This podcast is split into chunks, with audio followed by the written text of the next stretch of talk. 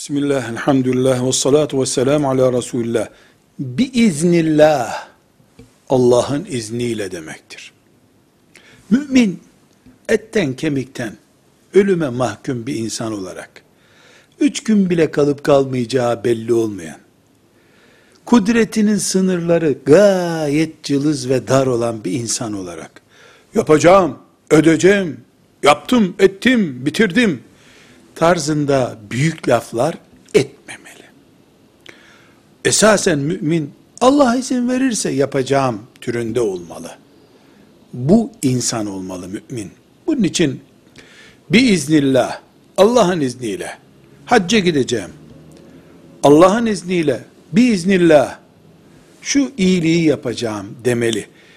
Evet, cüret, iradeni kullanmak ve sözünün eri olmak açısından mümin gevşememeli, yapamam edemem ne bileyim dememeli ama ben hesabımı yaptım, tamamen kendime inanıyorum, Allah'ın izniyle yapacağım deme basiretini göstermelidir.